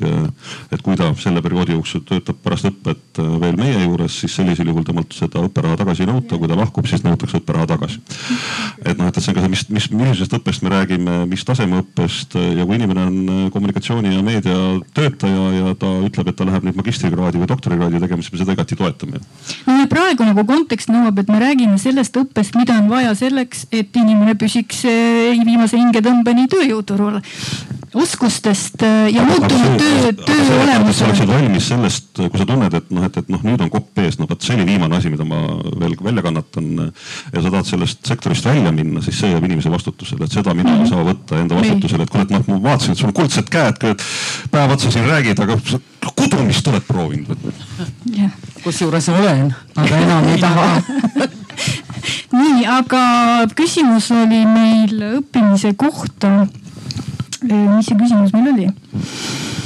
no lähme siis sedapidi, et, et ikkagi, kes, kes võiks olla initsiatiivikas pikemas perspektiivis, et töötaja öö, käiks muutustega kaasas ja õpiks, ega see see, see ei käi niimoodi, et ma tööl olles olen muutustega kaasas, ma pean ikka. no ühe paranduse midagi teine, et kui meil tuleb mingi uus programm, äh, uued puldid, uus tehnika, siis loomulikult tehakse koolitus, mitte niimoodi, et öeldakse, et uks on seal, vaata seal stuudios on uus tehnika. homme kell kaheksa kannad ette, et suudad töötada. et no päris nii me ei tee. kuidas, äh, üks moment, kuidas teil on, et tuleb uus programm, tehnika ja inimene on kuuekümne kahe aastane, kas te pakute talle ümberõpet seda tehnikat õppima? Uus no, programmeerimiskeel või noh? ma nii detaili praegu ei lähe, aga ma olen täiesti kindel, et see on ju elementaarne, et kui inimene on meil endal koosseisus, kui me võtame mingisuguse muudatuse ette, siis me igal juhul toetame, et ta saab selle tööga hakkama, sest muidu on ju me noh, meie häving ju, et meil on vaja, et tema saab hakkama, elementaarne. sõltumata sellest, et ta on vanaduspensioni eale väga lähedal. äkki ei tasu ära, et teda seal koolitada? miks sa nii küsid minu asi on tasub, tasub igat, iga inimene, keda sa näed, et ta, me ütlesime, et vanusest ei räägi, vanus on arv ainult, et noh, et igat inimest tasub koolitada, kui tal on tahe ja füüsilised ja vaimsed võimed seda vastu võtta. aga, aga ma ei saa välistada olukorda, et on, võib olla tulevikus ka näiteks olukord, kus noh, inimene ei ole võimeline seda vastu võtma. kes seda üle otsustab? juht ja, ja see, et äh, noh, mina pean nagu normaalseks, et organisatsioonis ei küsita väga, et, et kas nüüd inimene on liiga vana või ei ole, ehk et kui ta on olemas ja kui tema töövaldkonnas planeeritakse arendust ilmselgelt koos temaga, siis noh see on elementaarne, et siis ei ole see vanuse küsimus enam, noh, see oleks pidanud siis ammu-ammu olema hoopis teistes protsessides. miks ma siin susin, on, et jälle statistiliselt ja seda on OECD, OECD näidanud nii meile kui teistele riikidele, et õpivad need, kes on õppinud ja koolitustele õppimisele ei jõua need, kes pole juba mitmeid-mitmeid kümneid aastaid õppinud ja, ja keda, kellele seda just vaja on. ma saan aru, et meie noh, meie organisatsioonid, keda me siin esindame, ei pruugi olla selles sektoris, kus see on kõige suurem jama. või äkki Marianna, sul on selline, et kes, kuidas teil kaubamajas, muideks Keila kaubamaja oli esimene, kus tekkisid iseteenindusega kassad. jah olid küll. juba jupp aega tagasi mm,. oi, väga tükk aega tagasi. Eh, kuidas teile kooli, eh, sellist eh, organisatsiooni arenguga kaasas käivat vajadust koolitada pakutakse? seda IT-õpet pakutakse küll iga kord, kui tehakse mingi uus programm või asi, siis ikka kõik saavad seda koolitust. aga ma ei saa öelda, et vanemad inimesed seda nagu kehvemini vastu võtavad, teinekord on tõesti vastupidi. et kõik, ütleme noored vast mitte, aga keskealised lihtsalt ei olegi huvitatud millegipärast. mõtlevad, et ah, siis ma pean nagu rohkem tegema või midagi, aga ma ei tea. sellist juttu kuuleb mitte ainult teie juures. eks ole ju kes teadlased on need, kes pole uurinud? no see, see ongi inimeses kinni, see ei ole kinni ei organisatsioonis ega milleski muus, see on ikkagi inimese selles iseloomus ja tahtes. sa oled nüüd tükk aega Mm, jah, meil on tegelikult äh, väga tublid noored, et äh, mõned on ülikooli lõpetanud ja, ja praegu ka veel ikka õpivad ja, ja selles suhtes, kui me koolitusi teeme, siis me teeme meie väiksele seltskonnale korraga nagu paar korda aastas vähemalt ja siis äh, nagu motivatsioonipäevi ja analüüsime, mis me oleme hästi või halvasti teinud ja kuidas saaks paremini teha ja no me, me ikka mõtleme läbi, et kas kas, kas kõik on korras ja kas midagi saaks paremini teha?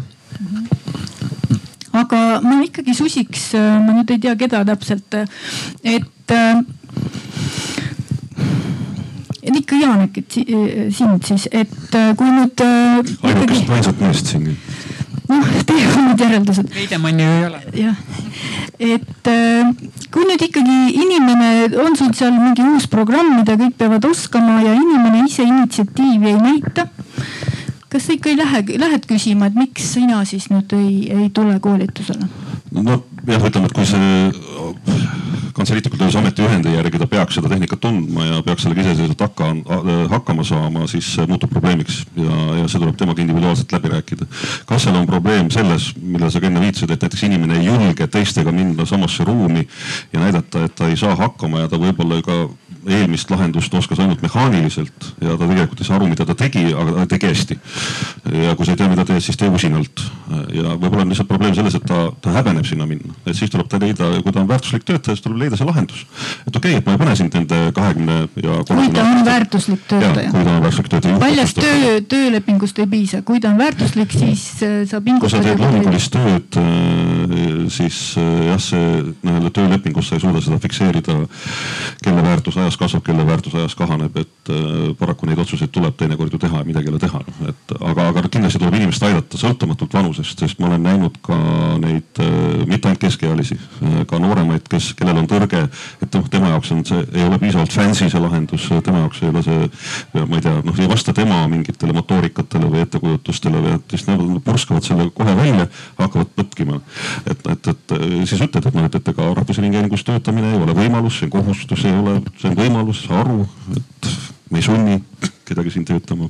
aga see tuleb ära õppida, et kui see on tema tööülesande täitmiseks vajalik, see tuleb ära õppida. ma siiamaani mäletan, kuidas äh, see on hästi spetsiifiline, aga kes äh, saab, pange endale Google'isse otsingusse äh, minidisk.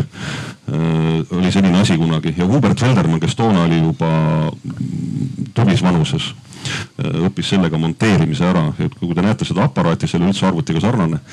Äh, ta õppis sellega monteerima, sest ta teadis, et tal on seda vaja ja ta saab oma tööd siis paremini teha, et ta, ta ei tõrkunud ja see, sealt tuleb ka tihti välja see, et vanemaealised, äh, kuna nad tahavad tööd teha, nad ei taha koju jääda siis nende motivatsioon minguga kasvõi rohkem aega on tihti suurem kui seal alumises otsas. ja keskealised jah põtkivad, et äh, neil ei ole kuidagi neid mingil hetkel neid muutusi vaja, nad ei salli muutusi lihtsalt. Ikka tuleb aidata, kui inimest on vaja, tuleb teda aidata, tuleb leida see lahendus, et äh, lõpuks kõik tehtud oleks kui toon uuringu, siis äh, tõesti õppimisvõimega ei juhtu vanusega mitte midagi. vastasel juhul ei oleks meil neid positiivseid näiteid, mida meil kõigil on. aga õppimisviis muutub noh, me teame kõik, et sutsa aeglasemaks on ju, lähevad kõik mõtlemised ja, ja kognitiivsed võimed. ja, ja, ja siis peab seda viisi äh, proovima siis äh, harmoneeruda selle inimesega. aga hakkame öö, otsi kokku võtma, et öö, millised on, millised on teie arust Eestis vanemas, vanemas eas töötavate inimestega seotud stereotüübid. me praegu kompasime siin õppimisvõimet ja, ja muutumisega kaasatulekut, aga kas on veel midagi? ja siin võib nüüd ka juba soost rääkida ja rahvusest rääkida. ehk selliseid intersektsionaalseid tunnuseid, kus on siis mitu tunnust koos, aga vanus on üks nendest missugune, missugune stereotüüp häirib, mis takistab teil seda põlvkondade vahelist äh, mitmekesist meeskonda äh, temast maksimum saada. Need stereotüübid võivad olla sellised, mis on teiste peades, kolleegide peas, aga võivad olla sellised, mis on inimese enda peas ka oma vanuse, kõrgema vanuse suhtes otsa lahti. et, et ma ei tea, kas see ainult vanuse pidi käib soolisi ja rahvuse ja nahavärvi ja seksuaalse orientatsiooni pealt ma ei ole leidnud mitte ühtegi sellist stereotüüpi, mis Äh, mis kuidagi seostuks just nimelt sellega, mida ma eelpool mainisin nimekirjas, et, et sealt ma ei oska midagi öelda, aga ma oskan öelda seda, et keskealised ütlevad tihedamini koosolekul, et seda, nad oskavad, kui sa tahad midagi muuta, siis nad oskavad öelda väga pika nimekirja, miks seda teha ei saa. et, et noh, keskealistel tuleb see nimekiri kuidagi nagu une pealt kaksteist punkti, miks seda teha ei saa, siis küsid, et noh, et aga äh, noh, kuidas siis sinu arvates saaks seda teha ja siis saabub selline kandev vaikus noh sihuke kõnekas, sihuke hästi kõnekas, karjuv vaikus. et tal ei ole ühtegi mõtet, kuidas seda teha saaks, aga, aga ta nii täpselt teadis, kuidas seda teha ei saa. Ja see on äh, keskealistel, mis on nooremate eelis, äh, siiski neil on üks eelis, et äh, kui ma töötasin ühes ja samas kohas kaheksa aastat peaaegu järjest, et siis mul oli sahtlisse kogunenud mingi hulk ideid, mida ma ei saanud teostada ja minus ei olnud enam südikust, et neid sealt sahtlist välja võtta. aga tuleb noor inimene, võtab selle paki, proovime kui vana, sa oled? üle viiekümne juba vist aga, aga, aga, aga, aga noh, siis, siis temal on see, et ta teab, et noh, et, et mina, mina mäletan seda ebameeldivat kogemust, et sellest ei tulnud midagi välja, aga, aga ma ei suuda enam hinnata, et noh, et, et kas need asjad, mis mind toona takistasid, äkki need on kadunud ja, ja, et see ajalugu, see ajalugu segas sind. nojah, see kogemus, kogemus segas. kogemus segas. ebameeldiv kogemus mm. -hmm. Nii stereotüüp, kas no, on? stereotüüp, ma pingsalt mõtlesin ja, ja võib-olla see stereotüüp on ikkagi, et, et vanemaealised on aeglasemad mis nagu, mis teatud meeskondi häirib. ehk et sa tahad, et sul ei jää nagu pudelikaelu sisse ja siis sa nagu jälgid, et noh, ei, ei, ei riski nagu võtta võib-olla seda aeglasemat sisse, aga aga noh, ma ütlen, et see on stereotüüp, see ei ole päris, et mu eelmises töökohas oli mul kuuekümne kolme aastane äh, personalispetsialist, kellel ma ei saanud arugi, kuidas ta kõik asjad valmis sai arvutiga.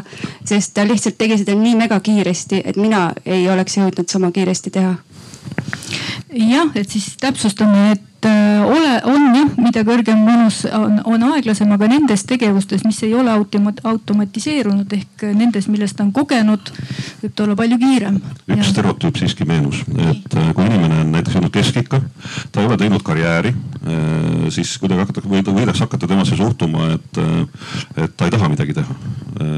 kuigi küsimus on see, et noh, et siis sa pead ka hindama seda, et kui inimene on valinud endale selle tee, rahulikult teeb seda, teeb seda täiesti hästi siis see, see ja see tema eesmärk ei ole karjääri teha või mingeid muutusi elus esile kutsuda, et ta on kümme või kakskümmend aastat seda juba teinud.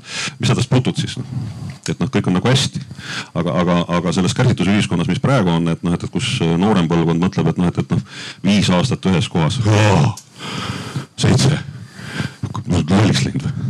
meil viiskümmend aastat. noh kolmkümmend nojah, vist on hilja. olete džässist tulnud selle ajaga mm,? ja väga palju, et äh, muidugi ma võin muud ka teha, ma võin raamatut kirjutada või äh, ma ei tea, koduda või midagi kolmandat, see on lihtsalt näide, kuidas võidakse suhtuda inimese, kes teeb stabiilselt hästi ja ta on ennast positsioneerinud sinna ära. ta on endaga tasakaalu teinud, endaga rahu teinud, et talle meeldib see, see rütm, talle meeldib, kõik sobib, ära puutu teda et see ei tähenda, et ta, kui, kui, kui ta ei ole kärsitu ja ei. aga no organisatsiooni arengutega peab ta ikka ju kaasas käima. seda küll jah, kui ta ei õpi uusi asju ära, mis äh, lauale tuuakse, et siis, siis küll, aga, aga ütleme, see, mida ta pakub sulle, et noh hästi. aga kui kõik tahavad ainult karjääri, mis siis saab?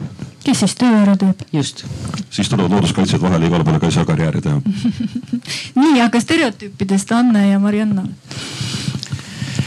oled üldse kohanud mõnda ma arvan, et see ikkagi oleneb väga palju ka inimese iseloomust ja kasvatusest ja koolist ja kuidas need on nagu välja kujunenud, et kes on avatud ja kes on sissepoole pööratud ja kes on kibestunud ja no võib-olla vanemad inimesed on natukene mingis mõttes natukene kibestunud või äh, on selliseid, aga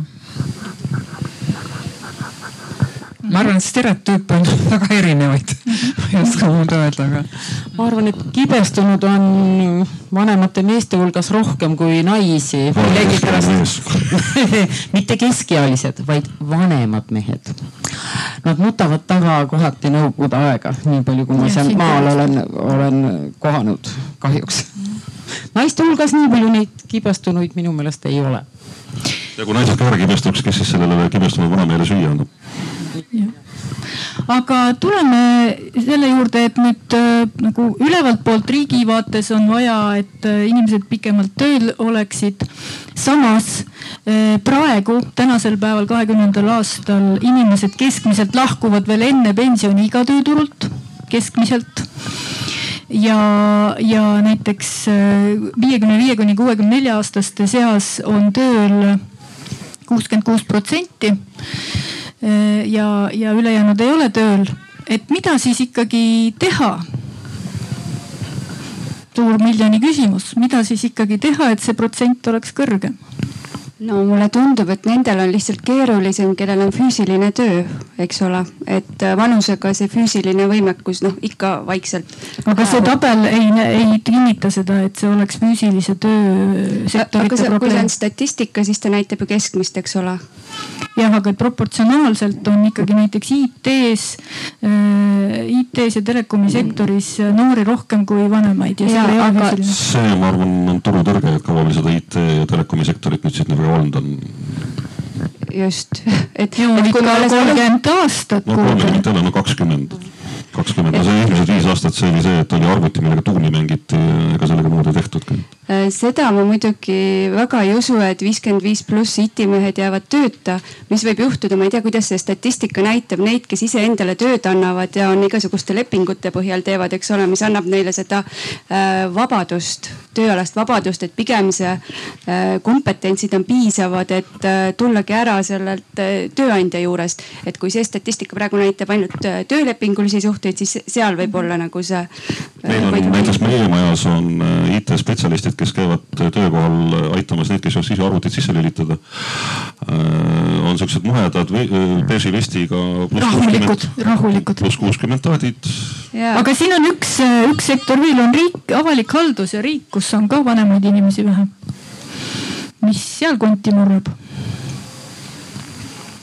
Noh, siin ma olen natukene valades kingades ilmselt, aga kuna ma olen avalikus sektoris, noh, Riia on, eks ole, ka avalik sektor ja, ja varem olen ka avalikus sektoris töötanud, siis natukene võib mõjutada see, et äh, järjest äh, noh, põhjendatult oodatakse, et avalik sektor vähendab oma töökohtade arvu, eks ole. ja kui sa, kui, kui neid ülesandeid tuleb muudkui juurde ja sa pead need töökohad tegema võimalikult intensiivseks, siis paratamatult sul tuleb teha valikuid. efektiivseks jah, ja siis paratamatult äh, tuleb teha valikuid ja seal siis vaikselt võib tõesti see, see väljalangemine toimuda. pluss noh, avalikus sektoris on ju ka need jõuametkonnad, eks ole, kus ka teatud töid sa lihtsalt ei tee, kui sa oled vanem mm. -hmm. aga äh, sinul oli ju ka äh, meenutus nõukogude ajast, et kuidas äh, kuidas on töö iseloom muutunud äh, sinu vanuse kasvades äh, sinu töökohal? vanasti oli töötajaid rohkem. no selles mõttes küll, et sama tööd tegi võib-olla kui üks, nüüd teeb üks inimene, siis võib-olla kolm-neli. vahest isegi rohkem et oli töö juures rohkem niisugust, kuidas ma ütlen, mollutamist. nõukogude ajal oli ju kombeks, et nemad tegid näo, et maksavad sulle palka, sina tegid näo, et sina teed tööd. enam-vähem. ehk nüüd on siis intensiivne ja see on vanemas eas raskem. ei no kuidas kellelegi, see on nii individuaalne tõesti, et ma ei oska selle koha pealt öelda mm. -hmm. mõni noorem ütleb, et ta elus minu tööd ei teeks, no mis teha siis ja ma arvan, et äh, ma sain nagu kõigega hakkama, olles äh, nii sponsorite otsija, kirjutaja, kõik see kommunikatsioon ja meedia, reklaam, kõik, kõik, kõike ma tegin esialgu üksinda, aga nüüd ma olen ikkagi jäänud nagu artistide otsimise ja kavade kokkupanemise ja natukene kirjutamise peale. eks sa oskad delegeerida. et äh, ja heal meelel nagu teised võtavad ülesandeid üle ja noh, selles suhtes on väga mõnus. Palju kergem kui oli, aga informatsiooni hulk on palju suurem kui, kui kunagi oli, et lihtsalt sa ei jõua kõike läbi vaadata, kõike läbi kuulata, aga noh ikkagi peab ütlema, et kui sinu ümber on toetav naiskond või meeskond, et siis äh, see aitab ikka väga palju mm. -hmm. nii et töö on oma olemuselt intensiivsemaks muutunud, kui me siin võtame mingi poole sajandi perspektiivi, aga küsimus oli jah, et, et tööturul on ikkagi kuuskümmend viis pluss ja isegi viiskümmend viis pluss inimesi vähem, kui neid peaks olema. mis on need siis ikkagi lahendused, kuidas me jõuaksime suurema tööhõiveni? No tööd on erinevad, et kui ma enne ütlesin, et, et see, kui töö iseloom on füüsiline, siis see paratamatult lükkab inimesi vaikselt eh, vald, valdkonnast välja, siis noh, job design, eks ole, et, et sa teatud kohad eh, kujundadki selliseks, et oluline on kogemus ja see füüsiline pool ei ole nii oluline. ja teine noh aspekt siin kohe kõrval on, et neid, nendele kohtadele ei ole siis mõtet nagu värvata noori. et nad ära ei võtaks neid kohti, kus tegelikult vanemaealistel on väga suur noh võimalus saada super hästi hakkama mm. -hmm. ja, ja see võimalus jällegi niimoodi töökohti kujundada on suurem suurtel organisatsioonidel et jah. jah, üks, üks selline näide, et üks endine jurist kelle vanus on väga kõrge ja, ja mine tea, võib-olla ta kõiki enam tänase päeva neid võlaõigusseadusi kõik enam nii vahedalt läbi ei lõikagi. jääb enne tukkuma laua taga, aga praegu töötab administraatorina väga rahul, me räägime ikkagi kuuskümmend viis pluss inimesest. ja, ja, ja need, kes temaga peavad suhtlema, on rahul, need, kes ta palkasid, on rahul. Et noh, et, et eks hakkab jälle ka sellest pihta, et noh, et, et kas on südikust inimeses, et noh, et, et olin enne tähtis ja nüüd olen vähetähtis, et kas ma võin, kas ma võin vähetähtsamat tööd teha aga, aga noh, kui üks tõsine noot ka sisse tuua, et noh, et, et tore, et selline strateegia arvestab kõige sellega, et aga, aga nende inimeste suhtes, kellel võivad tekkida kutsehaigused. et äh, tegelikult ikkagi tahaks näha, et riik hakkab tegelema ka sellega, et äh, tekiks kutsehaige kind-, kutse, kutsehaiguse kindlustus et selliseid ameteid on äh, ja see on nüüd see teine äär, et ütleme, et kui meie jah siin Anne, mina sina, meie saame veel kõrgejaani toksida arvuti taga, kui nägemist on ja näpud liiguvad, aga, aga näiteks äh, elukutseline kaitseväelane, elukutseline politseinik, äh, elukutseline kaugsõiduautojuht, nendel tekivad teatud äh, füüsilised piirangud, kus nad ei saa enam seda tööd teha. ja kuhu ta siis joosta on ümberõpe. aga kui ta kõlab uhkelt, aitäh. aga neid näiteid on ka päris palju, kus äh, nagu eakas õpetaja on läinud samasse kooli siis koristajaks, kui ta enam ei tööta. ma ei tea, kuidas sellesse suhtuda. no vot, see on ka see suhtumise küsimus, et mina ei suhtuks sellesse väga hästi. Te, see ei olegi isegi suhtumise küsimus, vaid äh, kui te panite tähele, siis see küsimus on, et äh, tähendab mitte praegu ma ei küsinud sellist küsimust, aga et ma küsisin täpselt, et kuidas neid tööhõivesse saada suurema osakaalu, aga täpne küsimus on, et kuidas kasutada vanemate inimeste potentsiaali. Ehk seda, mida nad nagunii oskavad ja siiani me jõuame Valter Ojakäru näite juurde ehk me ei pannud teda administraatoriks äh, või, või koristajaks. koristajaks, vaid ta tegi seda, mida ta suurepäraselt oskas. ja tal võis isegi olla äh, need ametihaigused, äh, mis iganes ja ta sai seda, mida ta oskas ikkagi teha. et see Valter Ojakäär võiks jääda meie silmade ette, et see on see, kuidas me saame vanemate inimeste potentsiaali kasutada. ma ei tea, kas see on võimalik kõikides sektorites, aga paljudes rohkemates sektorites kui seda praegu tehakse. olete te vastu, nõus? kultuurivaldkonnas kindlasti saab seda kasutada ka teistes valdkondades, jah? ei. kindlasti mitte aga osaline töö, töö. ma ei kujuta ette, et ma kodus telefoni teel juhendan, kuidas peaks seda tööd tegema. see ei tule kõne allagi. aga sa võid kord nädalas käia tööl ma ei tea. teha seda, mida sa oskad. ja, aga see ei ole ka päris see, see on suht järjepidev, sa pead olema kursis asjadega, kui sa käid väga harva, siis sa ei okay. tea enam, mis toimub. aga, aga siiski ma tuleks selle suhtumise juurde ka tagasi, et ühest äärest ja see näide, mis Anne tõi või see, mis näide, mis mina tõin, et see, see on oluline, et keegi ei, et seda hinnataks, kui inimene püüab aktiivne olla, sõltumatult sellest, kes ta enne oli.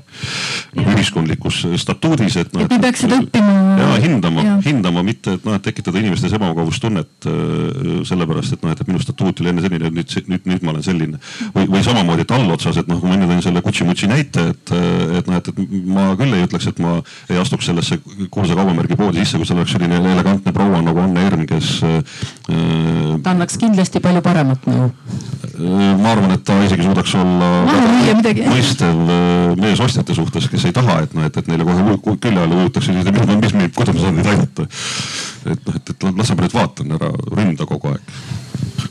nii, aga kuidas kõrges vanuses endiste väga heade spetsialistide potentsiaali ära kasutada kui nad näiteks ei suuda käia viis päeva nädalas äh, tööl ja võib-olla on ka mõni füüsiline takistus juba äh,? ei suuda käia tööl. töökohas. okei okay,, kaugtöö jah, et, et selle me sellel kevadel tegime läbi, et, et mitte vist ainult meie, vaid äh, kogu maailm praktiliselt. ja, ja see on küll noh, praegu tundub kõige väiksem tõrge ja üldse ma oma valdkonna puhul väga ei näegi probleemi, et ma olen väga selle poolt, et kui inimene ise tahab tegutseda, kui, kui noh, sära on silmis, siis äh, koormuse vähendamine, noh töövahendite mugavamaks muutumine, igasugused ergonoomilised toolid, lauad, asjad, eks ole, kaugtöö võimaldamine, kõik see on ju tegelikult pagasiks. et pigem on suur kaotus, kui hea inimene ära läheb, ükskõik kui vana ta on. ma siiski toon veel ühe näite oma elust. Äh, inimestele tuleb ikkagi näiteid tuua ja rääkida elust endast. see inimene on küll tänaseks äh, paraku lahkunud. aga oli kunagi selline legendaarne meedia ja ajakirjandus majanduse ülesehitaja nagu Hallar Lind. mingis vanuses ta jäi suhteliselt ripakile Äh, ja siis ma võtsin ta Trio raadiogruppi, ta oli mul Kuku raadios, tegi seal paari asja, aga tegelikult tema kõige olulisem roll äh, toona sel perioodil enne tema lahkumist oli see, et äh, need vestlused, mis me temaga pidasime, kuhu meedia areneb, kuidas läheb nende taskuringhäälingute asjadega, podcast'i asjadega, et tegelikult ta nõustas mind. et see oli vastastikune kasa, kasulik, tema oli rakkes ja sai anda mulle siis kogemuse, otsustama pidin mina, tema ei pidanud otsustama, mina pidin valikut tegema, mina vastutasin nende eest, aga mul oli Äh, intelligentne vestluspartner olemas mm. -hmm. no see on äh, sama nagu, nagu Ojakäär nõustas, aga äh, viimane. miks see näide sulle ei sobi, see Ojakäär? hästi, hästi sobib, aitäh. ma ei ütelda aitäh, vabandust. et viimane küsimus, kui töötaja taimi on, ütleme seitsmekümne aastane, ta on teie hea töötaja te hindate teda ja ta ütleb, et ta läheb äh, pensionile, hakkab kasutama oma vanaduspensioni õigust. Äh, sellepärast, et tal on vaja lapselapsi hoida. kuidas te reageerite? lastelastel vedas. lasete minema äh, kui, kui inimene, keda meil on vaja, tahab lahkuda, siis ilmselgelt me hakkame läbi rääkima ehk et ikkagi see koormuse vähendamine ja selline äh, osaline tööl käimine, osaajaga tööl käimine on reeglina väga hea lahendus, sest meile võib tunduda, et no küll on äge, kui enam ei pea tööl käima, et nüüd jään koju ja homsest on nagu null, kuid tegelikult. nagu alguses provotseeris, et hakkad tasuta tööle. et. ja lapsed äh, kasvavad suureks ja siis pole midagi teha. aga tegelikult tekib mingisugune tühjus ikkagi inimestel hinge on näha, et, et mul on ka mitmeid tuttavaid, kes äh, olid olid täiesti ägedad tööinimesed, äh, siis teatud vanuses jäid koju ja, ja see, see vaimne nagu ärakukkumine oli silmaga nähtav. ehk et ma, ma ilmselt natukene manipuleeriks ja siis räägiks ka nende lahkuda soovijatega, et, et ole hea, et hoiame siin koos vormis, et äh, jää natuke ikka. mul on oma seitsekümmend pluss ja kui ma ütlen talle, kas ta ei taha pensionile jääda, siis ma pean seda tegema distantsilt, sest muidu ma võin pihta saada. miks sa siis küsid selliseid asju? enam ei küsi, enam ei küsi töötab nii kaua, kui töötab, ei ole minu asi, teeb füüsilist tööd. hommikul istub autosse, sõidab tööle, õhtul tuleb koju tagasi, vähemalt väidab, et tuleb koju tagasi. tubli ema, Anne. kui inimene tahab meeskonnast lahkuda nendel põhjustel, mis sa teed? kui ta on hea töötaja, siis ikka püüame veenda ja ja kui ma lahkun, siis ma tahaksin ikkagi hoida kontakti selle organisatsiooniga mingil määral, et, et ei tekiks päris sellist tühjuse ja mittevajalikkuse tunnet. et selline veteran komitee. ei, need on äärmiselt olulised, et ettevõtted püüaksid, eriti pika traditsiooniga ettevõtted, et meil nüüd väga palju ei ole, et noh, et, et ka see plahvatus, mis pärast iseseisvumist toimus. ja neid pankrotilaineid ja asju on igasuguseid olnud, aga ütleme, et noh Rahvusringhäälingus korra aastas kutsutakse raadioinimesed kohvile ja kringlile ja nii edasi ja nii edasi, et see on tegelikult väga oluline. pluss see, et Valterit ju enam ei ole, aga kui tahad Eesti džässi kohta küsida, kellele helistame väga hea see on väga hea, et kord aastas, aga. vähemalt kord aastas. ja vähemalt, et äkki vähemalt pidu on ka väga hea, aga äkki midagi sisukamat ka, neid kuidagi sisukamalt kasutada kuuekümne kaheksa, seitsmendal aastal, kes Kalevi hallis esinesid ja Charles Lloyd kvartett. aga see oleneb ka nendest inimestest, kes selles äh, veteranide organisatsioonis on, et kui Helve Võsamäe seda äh, juhtis, siis oli seal väga palju igasuguseid kultuurialaseid äh, täiendamisi ja ekskursioone ja asju, nii et, et võiks nagu rohkem kui üks kord aastas. jah, aga Marina, kas teil on veteran organisatsioon Rõõmu kaubamajas? põhimõtteliselt ei ole. aga noh. omanikupoolne. eks ole ju. no tegelikult, mis võiks olla, võiks ju olla ka niisugune asi nagu mingisugune staažitasu vaikselt, mis võib-olla hoiaks ka natukene kauem ühe koha peal, tekitaks niisugust lojaalsust rohkem. et mitte, et kui sa oled aasta tööl või tõesti siin nelikümmend aastat tööl, et mingit vahet ei ole. et võiks nagu mingisugune niisugune noh, astmestik olla tegelikult. väga hea, et sa seda välja tõid. meie vestluse pealkiri oli Tööturg ei ole ööklubi ja me jõudsime selleni et tõepoolest äh, vanemad inimesed ei jaksa öösiti regulaarselt üleval olla ja hüpata viis tundi ühe koha peal käed üleval. aga neil on oidu hoida ööklubist eemale, eriti koroona ajal ja kasutagem seda siis ära oma organisatsiooni huvides. aitäh teile tulemast ja vestlemast. aitäh. aitäh.